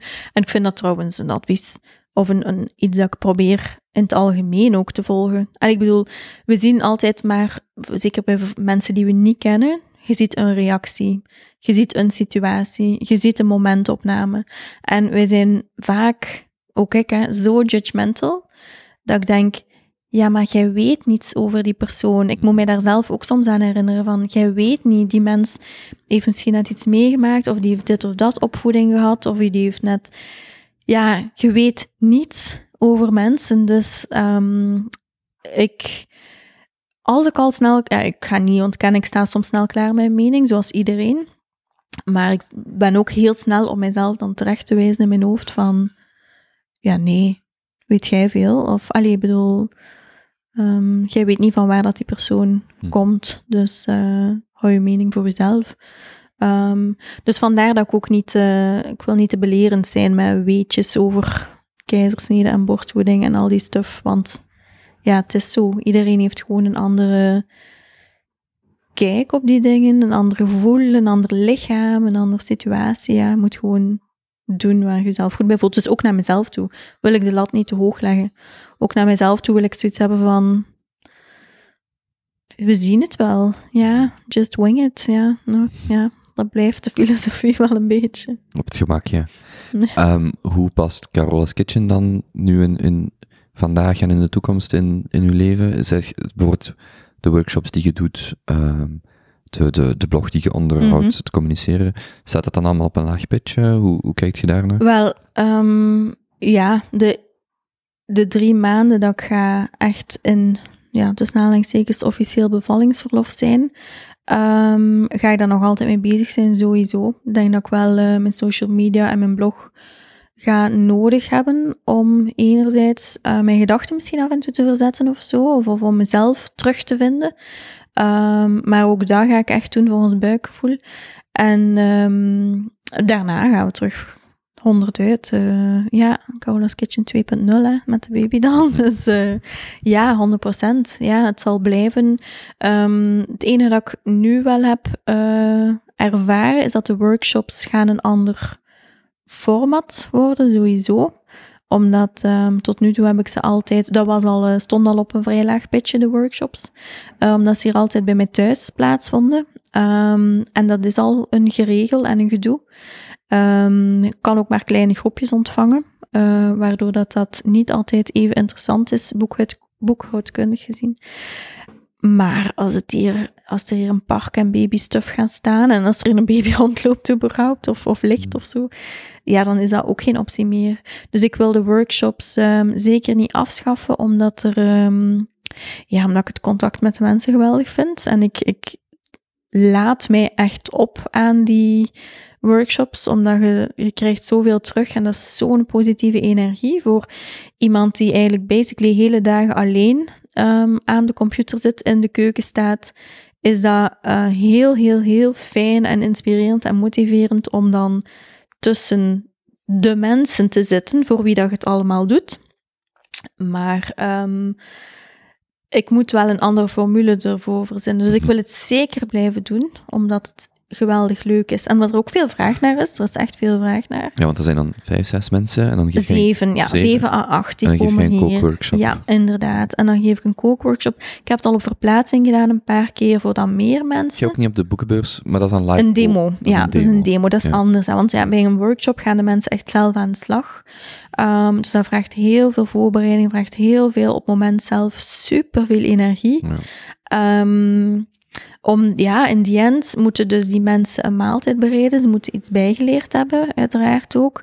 Ehm, ze moeten eten, ze moeten een fijne avond beleefd hebben. Dat zijn allemaal hun doelstellingen.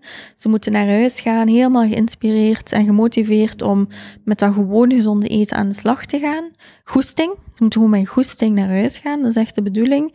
Ehm, ja, ik zeg, ik vind het geweldig om te doen, maar het, zoals het nu was, kan het niet verder gaan. Dat, dat, dat staat vast. Dat staat gewoon vast. En bij een kookdemonstratie, gelijk op de boekenbeurs, mensen kijken. Ik kook, ik praat eindeloos en zij kijken basically. En als er hier en daar ruimte is voor een vraag, dan beantwoord ik die. Nu, je kunt daar ook al veel mee bereiken, want allee, het is ook fijn om naar iets te kijken, maar het is een heel andere ervaring als je echt kunt participeren. Dus Mhm. ik denk dat ik op zoek ga gaan naar een combinatie een beetje van die twee. Maar ik doe het alle twee super graag, voor alle duidelijkheid. Ehm, en wat ik ook wel absoluut wil blijven doen, ehm, maar ook daarin moet ik mij iets beter organiseren, is het geven van lezingen.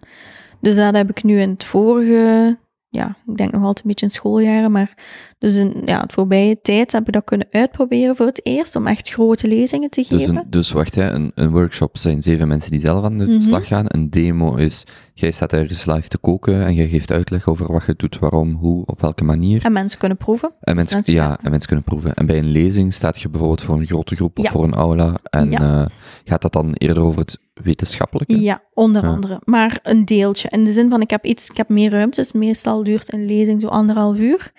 Ehm, ik heb veel ruimte om te vertellen over eten, maar dus enerzijds het wetenschappelijke, maar anderzijds zeker ook het praktische. Dus ik wil opnieuw mensen naar huis laten gaan aan het einde met het gevoel, met echt zin om gezonder te gaan eten, met zin om te beginnen met die gezonde levensstijl. Of voor, voor studenten dan een kookworkshop van, ja. het is niet omdat je op kot zit dat je elke dag kebab Ja, inderdaad. Bijvoorbeeld, dat was ook heel leuk om te doen.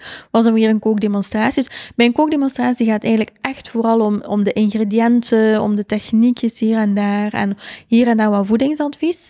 Maar bij een lezing gaat, is het toch iets structureler in de zin van, ik probeer echt om een, een, in het brein van de mensen iets te bewegen, een klein dingetje te verschuiven, Ehm, omdat veel mensen toch met de frustratie blijven van ja, allemaal goed en wel en allemaal lekker en allemaal fantastisch. Maar hoe doet je dat Ja. nu in het dagelijks leven? En door ehm, enerzijds veel tips en zo mee te geven, ehm, naar praktische, maar ook naar voedingswetenschappelijke tips. En anderzijds heel open en eerlijk en nuchter te zijn over mijn eigen failures en successes.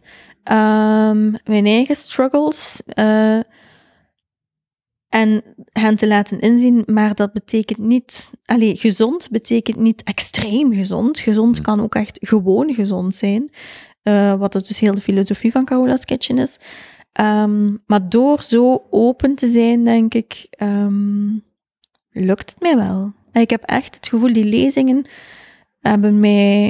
Ik ga niet zeggen dat er 100% tevredenheid was. Dat ja, zou mij verbazen, maar ik heb wel elke keer ehm, zo van die evaluatieformuliertjes ook laten invullen. En zeker eh, gedurende mijn lezingen waren die steeds positiever en positiever. Dus, dus ben goed gestart. Ik weet natuurlijk ook, ik kan lesgeven, ik weet dat. Ehm, ik bereid heel graag, ik spreek graag voor een groep. Ik ben eh, zeer fanatiek in het voorbereiden van PowerPoint-presentaties of presentaties in het algemeen met, met de nodige ehm, ja, attribuutjes of zo erbij. Ja, dat is gewoon, ja, als je een groep van 16-jarigen kunt entertainen, dan Mm. heb je zo wel wat skills meegekregen, denk ik.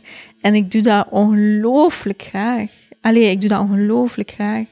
Dus dat is iets dat ik... ehm, ja, dat, van dat lesgeven dat ik miste dan, dat we het daar net over hadden. Ja, vind je daar gedeeltelijk Ja, terug? ja, ik doe dat zo, zo graag. Dus dat zou ik heel fijn vinden, moest ik daar een, ehm, een iets routinematige ja, structuur in vinden in die lezingen. Experimenteert jij met video? Nee. filmpjes Nee. maken? Want ik merk dat ik Nee. dezelfde laatste tijd op YouTube dan eh, opzoek van hoe maak ik een eh, stoofpotje van dit of van dat. En dat je daar echt veel, eh, veel van vindt. Ja, too much toch? wel, en, en ook als maker dan, of Mhm. als iemand als creator, daar kruipt heel veel tijd in. Ja, exact. En ik ben echt een dinosaurus op dat vlak. Ja. Ik kan, maar echt, maar echt. Mijn computer is, allee, computer, het is een laptop, maar is zo, maar echt zo verschrikkelijk oud, zo verschrikkelijk groot, zo verschrikkelijk traag. Alles is, allee, ik, ik hou niet van techniek, maar echt niet, maar Mhm. echt, echt niet. Dus het idee van een filmpje te maken, ik ben daar ook zo slecht in. Ja, oh nee, ik krijg al stress als ik aan denk, echt. Ja. Maar Ja. pas op, als iemand mij zou vragen... Allee, ik heb nu een paar keer filmpjes gedaan. Bijvoorbeeld, we maken een reeks van tien filmpjes, kom een dag koken. ja, als ik zo mij echt nul van zou moeten aantrekken Ja. van, het, van het eh, technische en van het monteergedoe en zo... ja, dan zou ik dat wel doen, ook uit interesse. Ja. Ik weet nog altijd niet of dat iets voor mij per se zou zijn. Eh, los van, allee, ik heb geen moeite met camera en zo van die dingen. Dat, dat lijkt me leuk.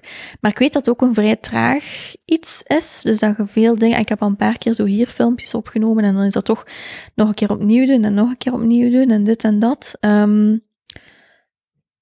ja, ja, dan, dan verlies ik toch redelijk snel. Ja. eh, Ik ben nu mijn eigen ruit misschien aan het ingooien bij bepaalde je kanalen, maar... nee, als je eh, weet wat je wel en niet graag doet, of ja. op welke manier je iets wel of niet graag doet. daar, ik krijg daar niet hyperveel energie van. Nee, maar ik heb dat ook Ja. al vaak gemerkt als, als ik aan mensen vraag ik, eh, om, om ik zeg maar, foto's te komen trekken of dit of dat. Ik zeg, ik wil dat je daar afaan met een glimlach.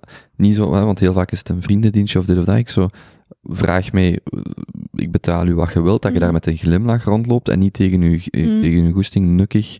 Als je weet dat je dat niet graag doet, zeg je dan nee. Mhm.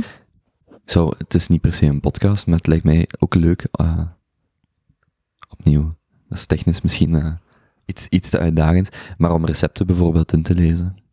Ik merk bijvoorbeeld, wat ik over laatst eh, probeerde, is door een stad wandelen met een podcast van iemand die dus letterlijk ook door die stad is gewandeld en dan inspreekt, hier ziet je dit of dit is de geschiedenis Ah, van, de, van die stad. En dan was ik aan het denken aan eh, recepten of, eh, of blogposts die je zou inlezen. Maar goed. Ja, ik ben voorlopig, dat is, allee, ja, denk een, een podcast is zowel eerder een medium dat ik opnieuw, ja, dat komt al dichter in de buurt van een lezing, denk Hmm. ik. Maar het zou zich toch niet richten op recepten, echt, denk ik. Kunt je lezingen opnemen en publiceren? Nee. Nee. Nee, ik moet mensen zien voor mij. Ik moet Nee, maar ik bedoel, je gaat een lezing geven. Kan die dan worden opgenomen en gepubliceerd achteraf? Voor mij niet. Nee, ik zou dat niet willen. En ik zou ook Hm. niet, ik geloof er ook niet in.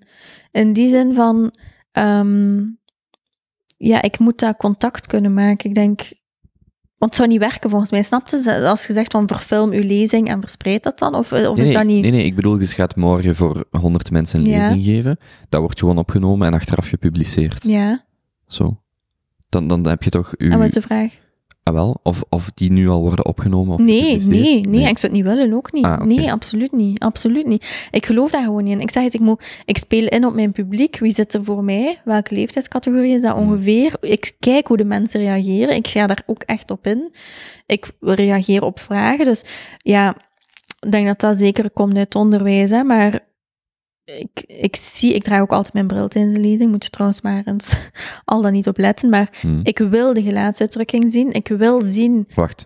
Zonder bril ziet geen gelaatsuitdrukking niet? Nee, allee, uw nu, nu, nu wel, hè, maar iemand die daar ver in de zaal zou zitten, zou ik niet zien. Ik ja. wil een wenkbrauwfrons zien.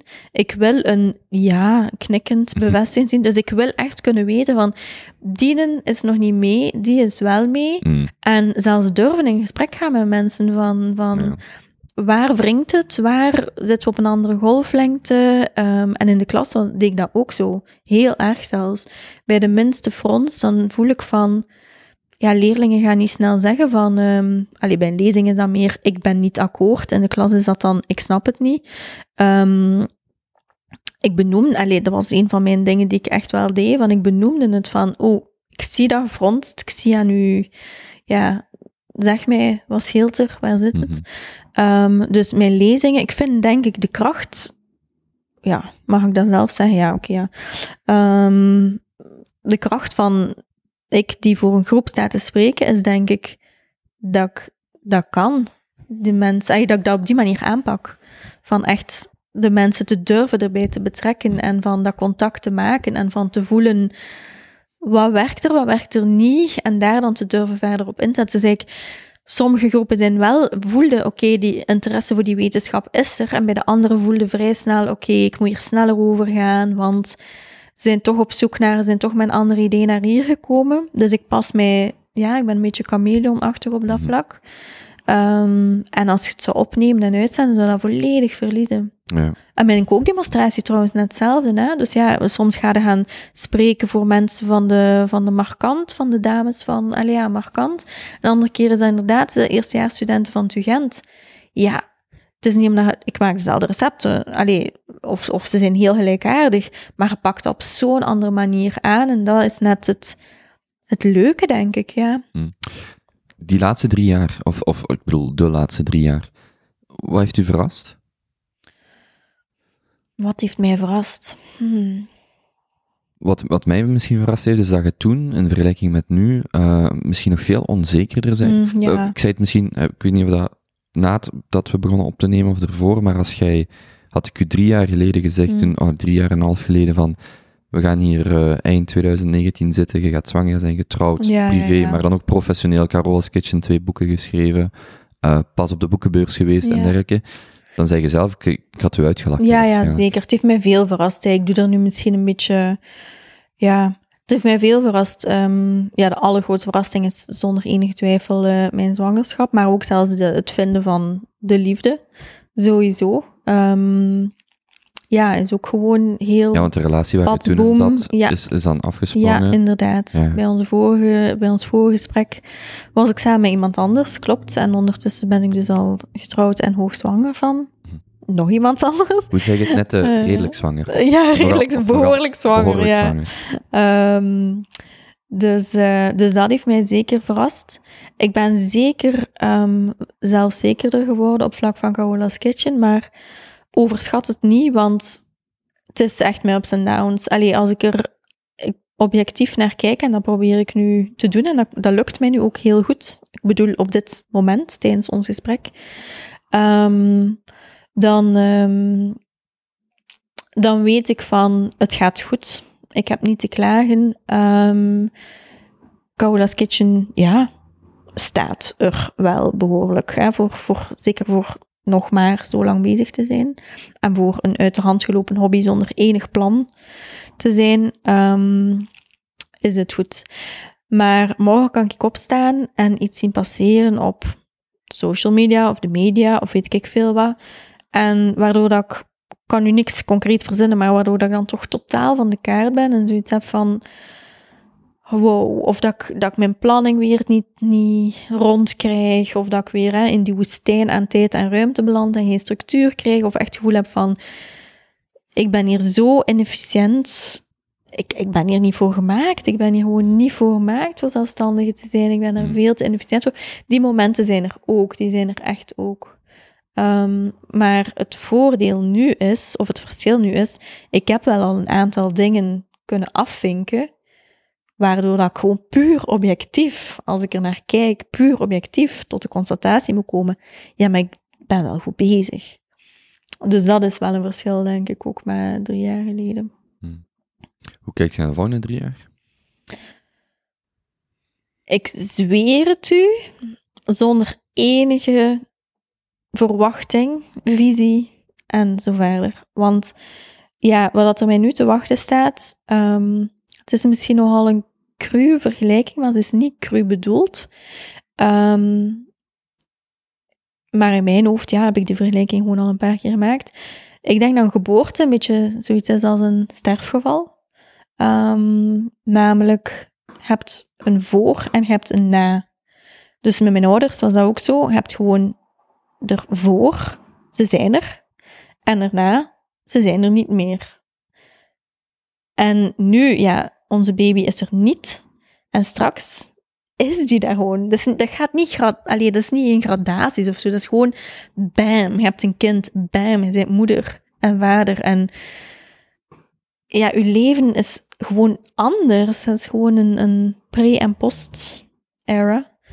Um, en ja, ik hou er dus wel van dat het leven mij overkomt. Ik weet niet wat dan een goede ingesteldheid is, ik weet dat echt niet, maar um, voor mij werkt het wel.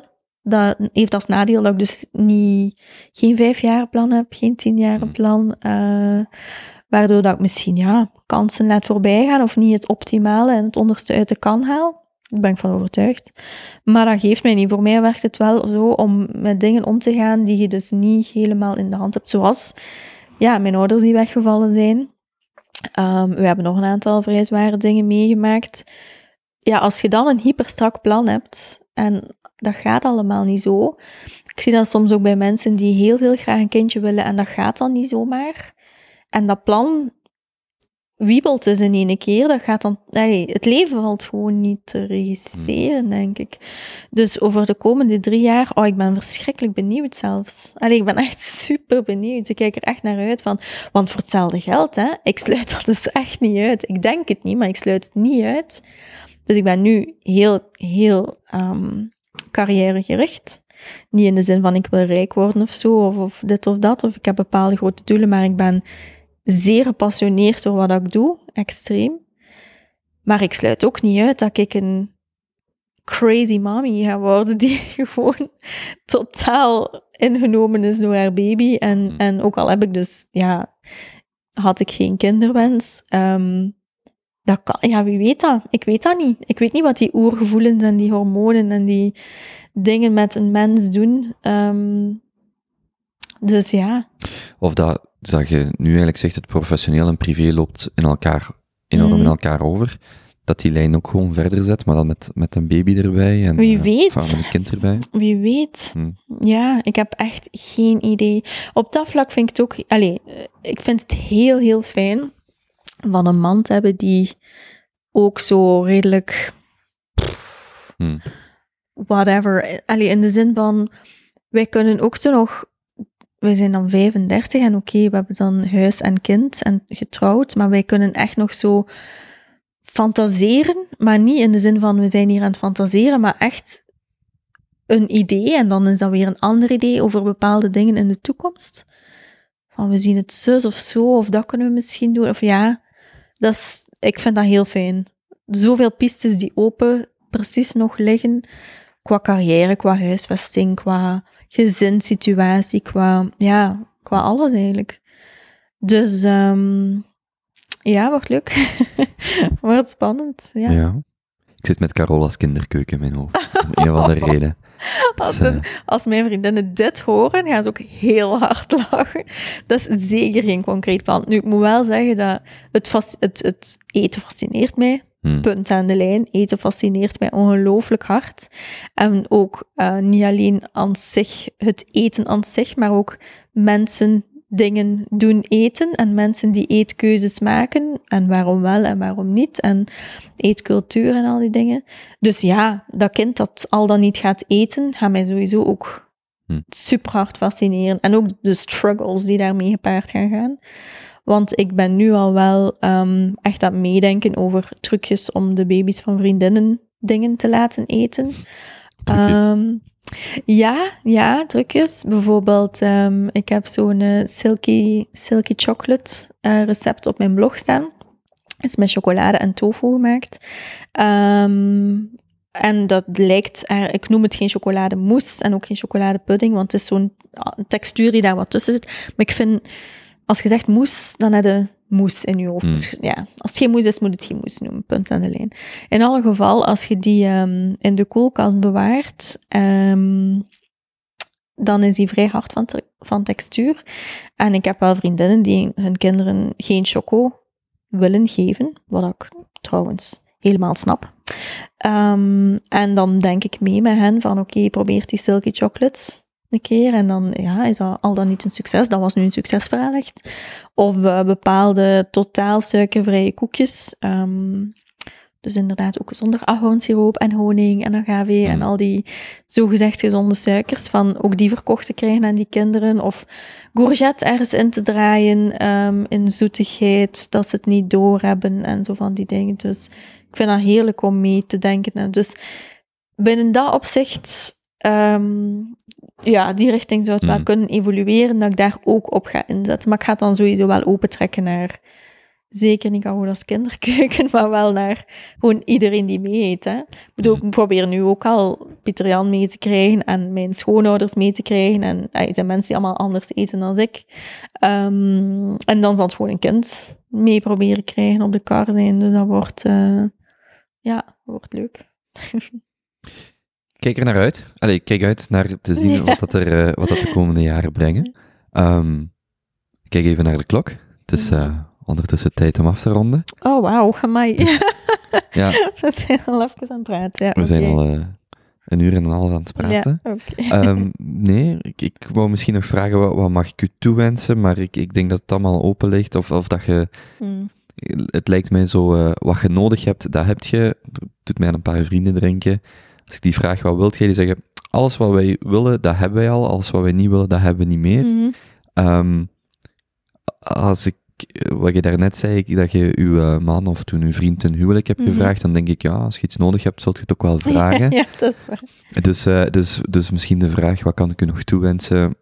Ja, ik vind het toch eigenlijk een heel makkelijke om op te antwoorden, want eh, ja, die gezondheid, hè, dat blijft toch iets dat, zeker Hmm. nu met dat kindje, ehm, dan denk Maar ik goed, dat is van, niet iets wat je eh, extra nodig hebt. Hè? Dat is iets wat je hoopt dat blijft zoals het is, neem ik aan. Ja, maar jij praat nu vanuit een perspectief dat dat een evidentie is, en dat vind ik dus niet. Ja, ja. Dat vind ik dus niet. Ik vind dat echt iets dat... Elke dag opnieuw ben ik daar dankbaar voor. Dat ik in een gezond lichaam, een goed functionerend lichaam ben geboren. Ehm, dus ik wil er echt iedereen op attent van maken van dat is geen evidentie. Dat is geen evidentie, gezondheid. Ik zie dat gewoon bij mensen dicht om mij die getroffen worden door vreselijke dingen waar ze niks aan te zeggen hebben. Maar dat is een wens, ja. Dat is wel een wens. Die ik, dat, ik- dat is iets dat ik iedereen toewens. Dus dat mag jij en mij en mijn kind ook zeker toewensen. Oké. Oké, bij deze. Ja, Goed, dan eh, merci. En eh, heel veel... gedaan. Wacht, mocht je de, de... Ik heb de datum gezien dat je bent uitgeteld. Mhm. Eh, is dat ook publiek? Ehm, nee, dus Nee. ongeveer, je kunt er een inschatting van maken, Wacht, denk wanneer, ik. waar heb ik eh, die dan gezien? Oké, het misschien... is zit- richting eind december, Ja, dus dat mag je sowieso weten. zit ik ook ja. met Iedereen mag er gerust een inschatting van maken, maar Ja. het is een beetje bewust, omdat we zo ook niet willen... ehm, en is het al zover? En is het al zover? Hm. En is het dan nu al zover? En is nu misschien al zo... Ja, ik bedoel, daar, denk, ja, daar wordt iedereen zot van, denk ik. Hè? Want we gaan ook al zo op de top van stenen lopen. Dus, eh, Ja. Ik zou zeggen, veel plezier met de babyborrel, maar eh, dat, dat gaat niks worden. Veel plezier met de geboortelijst, maar dat gaat ook niks worden. nope. En eh, we zijn benieuwd naar, of ik ben benieuwd naar de naam. Ja, En, wel. komt wel. Nog even wachten. Ja. Ja. ja. Maar dan bij deze nog een, een, een gezonde acht, tien, nee, sorry, zes weken Ja, inderdaad. ongeveer. Ja, Ja. inderdaad. En eh, ja, Dank u wel. dan eh, de volgende keer zal het, eh, als we nog een volgende keer spreken, zal het dan, een kleine blijter bij zit. dan zal het de postfase zijn, de ja, preekfase. inderdaad. Ja, ja, Oké. ja. Oké, heel Dank tof. Heel, heel graag gedaan. Absoluut. Veel succes. Merci, merci.